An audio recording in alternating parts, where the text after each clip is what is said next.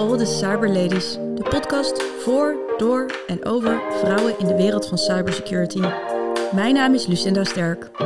In deze podcast laat ik vrouwen aan het woord die naam hebben gemaakt in het door mannen gedomineerde werkveld. Luister naar hun verhalen en leer van hun ervaringen. Dit is All the Cyber Ladies.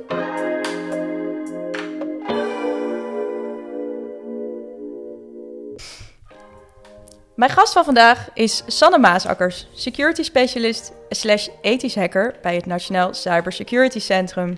Ze is een icoon in de infosec-wereld. Na praktisch te zijn opgegroeid bij Fox IT verruilde ze toch het bedrijfsleven voor de overheid. Welkom Sanne. Dankjewel. Nou, om maar met de deur in huis te vallen, hoe zit dat met die overstap van het bedrijfsleven naar de overheid? Nou, dat was eigenlijk heel soepel. Um, het, laat, de laatste, eh, of het laatste project bij Fox IT wat ik heb gedaan is uh, Isidor. Dat is de nationale crisisoefening uh, voor rijksoverheidsorganisaties en Vitaal. Dat gebeurt eens in de twee jaar.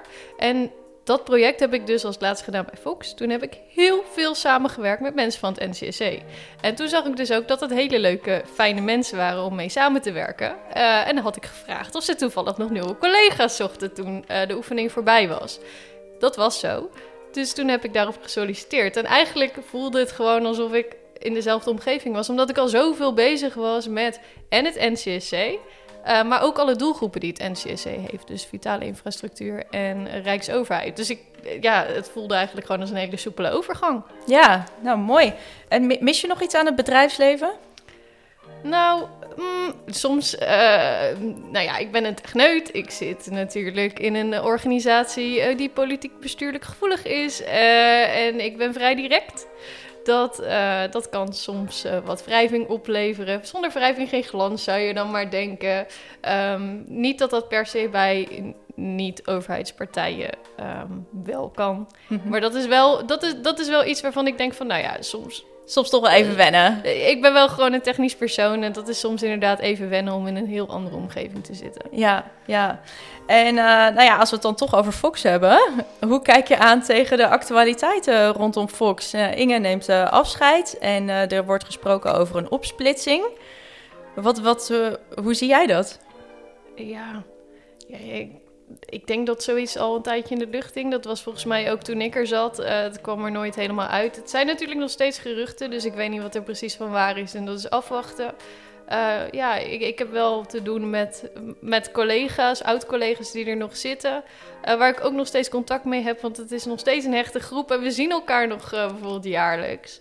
Um, en ik hoop dat het vooral voor hen goed uitpakt. Of dat ze nog wel de dingen kunnen doen die ze graag willen doen. En dat ze nog steeds een fijne werkomgeving hebben. Ja, ja dat hoop ik ook. Dat is wel, uh, wel een beetje spannend voor hun uh, daar zo. Ja. Um, nou ja, en naast uh, het NCSC ben je ook heel actief in, het, Europese, in de Europese hackers scene. Wat doe je daar precies? Um, ik ben een van de coaches van het Europese hackingteam. Dus um, om het even te schetsen, er is een, een jaarlijkse kampioenschap. Die heb je op Europees niveau en op uh, wereldwijd niveau. Op Europees niveau strijden alle nationale teams, dus bijvoorbeeld ook Team Nederland, tegen alle landen binnen Europa. Uh, dat doen ze al een aantal jaar. En sinds vorig jaar hebben we het eerste internationale kampioenschap gehad. En dan gaan de continenten tegen elkaar strijden. Uh, met uitzondering van een aantal risicolanden. Um, en ik ben dus coach van het Europese team. En, en, en wie zit er dan in zo'n Europees team? Dat zijn de beste van uh, heel veel landen. Dus we en hebben... dat zijn hackers? Of, uh, ja, dat zijn, dus, dat? dat zijn dus studenten meestal. Of in ieder geval young professionals tussen de 18 en de 25. Dus je moet tussen de 18 en 25 zijn om mee te kunnen doen. En ieder land kan een persoon nomineren. Dus dat kan meestal de beste zijn van bijvoorbeeld het nationale team. Die doen allemaal mee in een grote pool. Dat was dit jaar rond de 40 mensen. En die gaan een aantal bootcamps door. Dus we hebben een bootcamp gehad in Brussel allereerst. We zijn naar Praag geweest. We gaan binnenkort naar Lissabon. En op die manier uh, proberen we ze dus te trainen. Um, en tijdens die trainingen proberen ze dingen mee te geven. Bijvoorbeeld ook wat ze kunnen gebruiken in hun carrière later. Of uh, wanneer ze gaan beginnen met een... Uh, met, met een baan. Dus geven ze wat, uh, wat extra ervaring mee. Maar kijken we ook hoe ze het doen in een groepsverband. Wat een goed team zou zijn. Wat hun kennis is en welke kennis we nodig hebben voor het team. En na dus drie bootcamps, of nou, vorige keer drie bootcamps en dit jaar twee bootcamps, maken we dus de keuze eh, wie er in het team valt. Mhm. En eh, dit jaar hebben we dus een team van eh 15 mensen uit 15 verschillende Europese landen. Persoonlijk trots, er zit een Nederlander tussen. En tweede persoonlijk trots is dat onze teamcaptain een vrouw is. Nice. Dus eh, heel erg blij. Ja. En eh, we gaan eh, eind juli, begin augustus gaan we dus strijden voor de titel, de wereldtitel in San Diego. Vorig jaar hebben we gewonnen bij de allereerste editie. Dus de verwachtingen liggen heel erg hoog. Ja, wat onwijs gaaf. Maar hoe kom je daarbij? Want het is niet opeens zo van... Sanne, we hebben jou nodig voor een Europees team. Of ging dat wel zo? Nou, ik, ik zat eigenlijk helemaal niet in die scene, om maar zo te zeggen. Ik was bijvoorbeeld ook niet betrokken bij het nationaal team. Ik wist wel dat het er was, eh, maar ik was ook druk met andere dingen, as usual. Dus dat ging een beetje langs me af. Eh, totdat ik een berichtje kreeg, grappig genoeg, door de, van de Belgen... eh, dat er nog een nominatieronde was voor een vrouwelijke coach. En of dat interessant zou zijn en of ik misschien zou willen solliciteren erop. Het grappige is dat Nederland een Belg heeft genomineerd... en België een Nederlander heeft genomineerd... Ik heb een sollicitatieronde gehad en daaruit ben ik eh, het geworden. Het is net het Eurovisie Songfestival. maar dan voor cyber. Ja, ja, ja, maar ja, ik, ik, ik, ik, ken het dus niet, dus ik ging er ook heel open in en ik wist eigenlijk helemaal niet wat ik kon verwachten. En dus steeds meer werd duidelijk dat ik dus inderdaad best wel vaak ook eh, op reis ben, eh, dat ik trainingen aan het maken ben om ze te trainen. Eh, volgende week mag ik naar Helsinki om een groep met 50 dames te leren reversen. Dat is echt super vet. Ja, ik heb alweer Chantal eh, stickers besteld met de Shroom She's Technical and Capable Breathing Fire. Dus shout-out naar Chantal, dankjewel daarvoor. Het wordt echt super tof. Ehm, maar ik wist dus helemaal niet wat, wat voor werkload erachter zat of wat het precies inhield. Maar het is, eh, het is wel echt een van de leukste ervaringen van de afgelopen jaren die ik heb gehad. Ja, en, en is dat allemaal vrijwillig? Wordt dat ondersteund vanuit het werk? Het is, eh, het is in principe vrijwillig. Het, wordt allemaal georganiseerd door de ENISA, dus de Europese Agency for Cybersecurity op eh, Europees niveau. Ehm, maar het NCSC ehm, ja, die, die steunt dat soort initiatieven. Het NCSC is bijvoorbeeld ook sponsor van het Nederlandse team bij de Europese kampioenschappen. En ehm, dus eh, een deel kan onder werktijd en een deel ligt bij mij. Dus een beetje de deal. Alles wat onder werktijd valt, doe ik onder werktijd. Maar er valt ook heel veel niet onder werktijd en dat doe ik als vrijwilligerswerk. Dus als ik zo weer naar huis ga, dan mag ik inderdaad mijn training gaan voorbereiden voor volgende week. En dat doe ik gewoon in mijn eigen tijd. Heb je nog wel vrije tijd dan? Het comes and goes. Het is rennen en stilstaan. Ik weet niet of jij dat ook herkent. Maar het is soms even flink doorwerken. Vooral eh, nu. Ik heb drie weken verlof gehad. Lekker vakantie. En dan kom je terug. En dan kom je in een soort van berg aan werk terug. Eh, dus het is nu even aanpoten. eh, maar ik kan ook heel goed chillen, moet ik zeggen. Ja, nou hartstikke goed. Hey, en wat tof dat jij 50 vrouwen gaat, eh, gaat helpen in, eh, in, wat is het, Helsinki? In Helsinki Ja, inderdaad. en dan ga je leren reverse engineeren? Of, Ja, malware-analyse training van een dag. ja. Ze dacht, nee, ik heb dus een tijdje geleden heb ik een SANS cursus gedaan en heb ik een examen gedaan. Dus ik ben iets van een certified eh malware analyst of zo. Dus toen kwamen ze op de lijn, ha, mooi, jij kan dit, geef maar training. En, en, en wat zijn dat eh, eh, 50 technische vrouwen of 50 vrouwen die ambiëren om te gaan werken in de techniek? Of... Ehm, het is een hele wisselende groep, dus ik ben erg benieuwd hoe dat ook gaat uitwerken. Ze hebben ook nog wel een parallelsessie voor echte beginners. Dat is volgens mij eh, meer leerfishen en go-fish, hoe dat precies werkt. En er is ook een CTF de dag ervoor. Maar het is een, een groep van dames die al meedoen in de pool om bij de uiteindelijke kandidaten van het Europees team te komen. Dus dat zijn er al een aantal. We hadden dit jaar volgens mij 40% Dus we hadden wel 16 vrouwen van de 40. Dus dat is echt wel, echt wel goed. Ehm, en ehm, daarnaast zijn er nog eh, andere uitvragen gegaan naar de landen. Van hebben jullie nog vrouwen die eh, misschien dit interessant kunnen vinden? En aangezien het op de Aalto Universiteit plaatsvindt in Helsinki, hebben ze ook gevraagd: hebben jullie misschien nog vrouwen uit bijvoorbeeld eh, cybersecurity eh, studie of eh, informatica studie die dit interessant zouden kunnen vinden? Dus het is een hele gemeleerde groep. Ja, en, en merk je dan dat in de Scandinavische landen er meer vrouwen in security werken dan in Nederland? Nou, daar, daar, daar kom ik maar op één manier achter en dat is volgende week. Ik heb, eh, ik heb eigenlijk geen idee. Nee, nee, nou dan ben ik benieuwd eh, volgende week.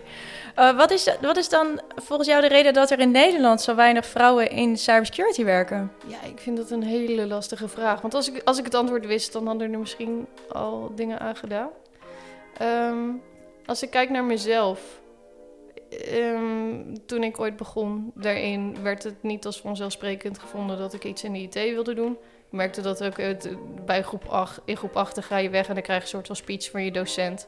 En dan uh, werd een soort van uh, gezegd van, nou misschien kan je wel later iets in de computerwereld doen. Ja, potdikkie. Ik was al altijd met IT bezig, gaf een spreekwoord over HTML. You better. tuurlijk ga ik dat doen. Um, en ik weet niet, het werd niet echt als normaal gevonden dat je iets in de IT ging doen. En dat heeft ook geresulteerd in dat ik eerst geen IT-studie ben gaan doen. Ik ben bedrijfskunde gaan doen. Ik dacht, ja, weet je, dan zit ik tussen die mannen. Super saai. Uh, ik hou van uh, achter mijn computer weggaan, samenwerken, dat soort dingen. Dus ook misschien het beeld dat erbij zit, dat het dus in je eentje is en dat het puur technisch is. Dat klopt niet helemaal, maar dat beeld is er nog wel. Um, ja, ik ben daarvoor ook aan lat dat we gewoon als vrouwen voor de klas gaan staan en dat we de meisjes en de jongens laten zien dat vrouwen dit soort kick werk ook kunnen doen. En dat, dat er zoveel smaken ook zijn binnen de IT en de cyber. Dat er voor ieder wel wat wils is. En dat het dus heel veel samenwerken is, creatief denken is. Ja, ja, er zijn al heel veel initiatieven ook. Bijvoorbeeld hè, Girls Day uh, is er ook uh, onlangs geweest, waarbij heel veel technische bedrijven ook hun deuren openen. En uh, meisjes, maar ook jongens, een dagje mee kunnen lopen en kijken, nou wat houdt het nou precies in hè, om te mm -hmm. werken binnen, binnen cybersecurity.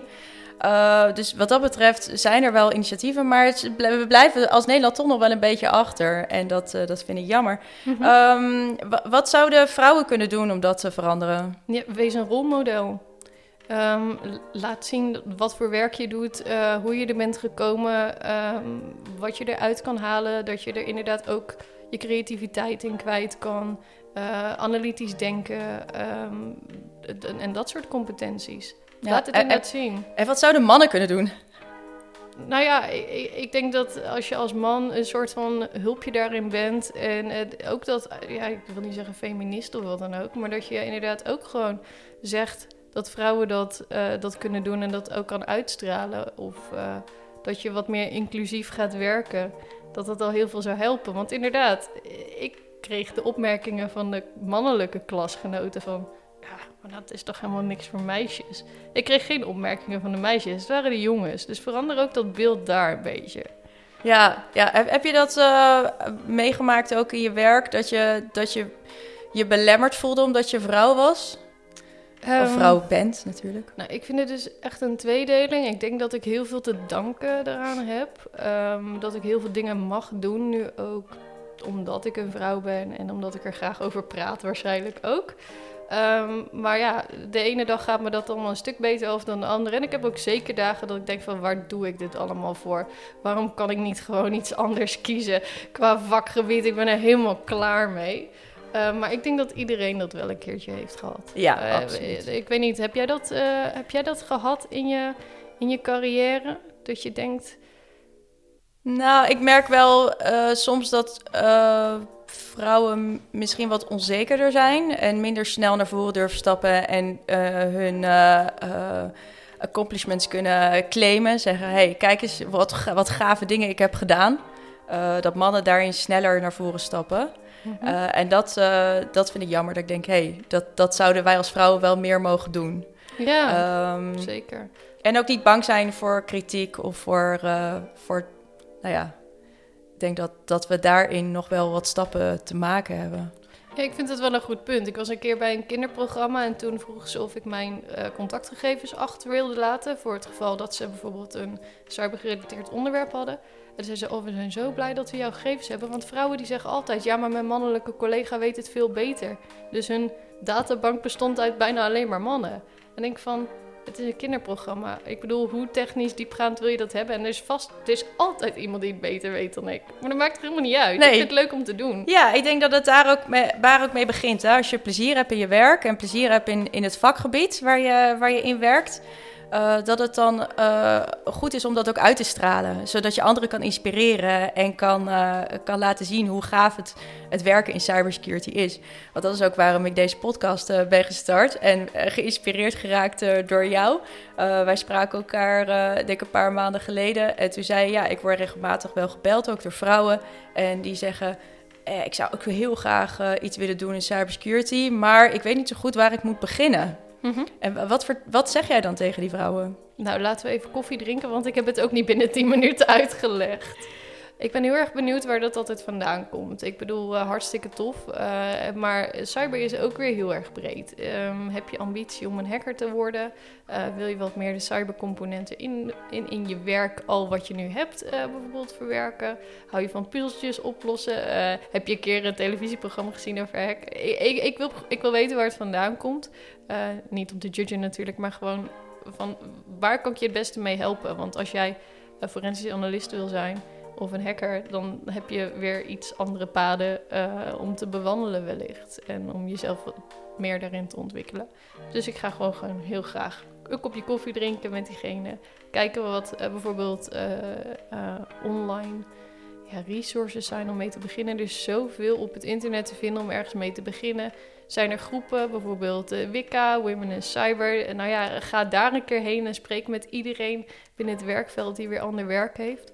Um, ja, kijken wat het beste bij ze past en waar ze goed mee kunnen beginnen en wie ze nog meer kunnen spreken ook vooral. Dat, uh, dat vind ik heel erg tof. Ja, vooral gaan netwerken en, uh, en rondkijken uh, en veel praten met mensen, inderdaad. Want ja. er is ongelooflijk veel werk in cybersecurity. Absoluut. En het is heel breed werkveld ook, dus er zijn heel veel verschillende functies die weer veel verschillende uh, kwaliteiten vragen. Ja, zeker. Dus. En, en weet je, het kan heel goed zijn dat ik ze daar niet bij kan helpen. Maar we hebben gelukkig zoveel hele toffe vrouwen binnen cybersecurity in Nederland dat er altijd wel iemand anders is. Ja, absoluut. nou, vers van de pers. jij had er gisteren op LinkedIn gezet dat je genomineerd bent voor de Cybersecurity Woman of the Year Award.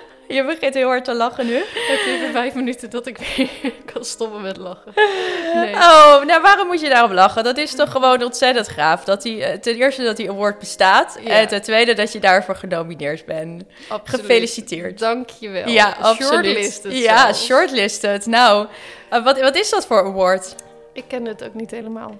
Um, dus ik moest het ook even opzoeken. Um, maar het is een award in verschillende categorieën.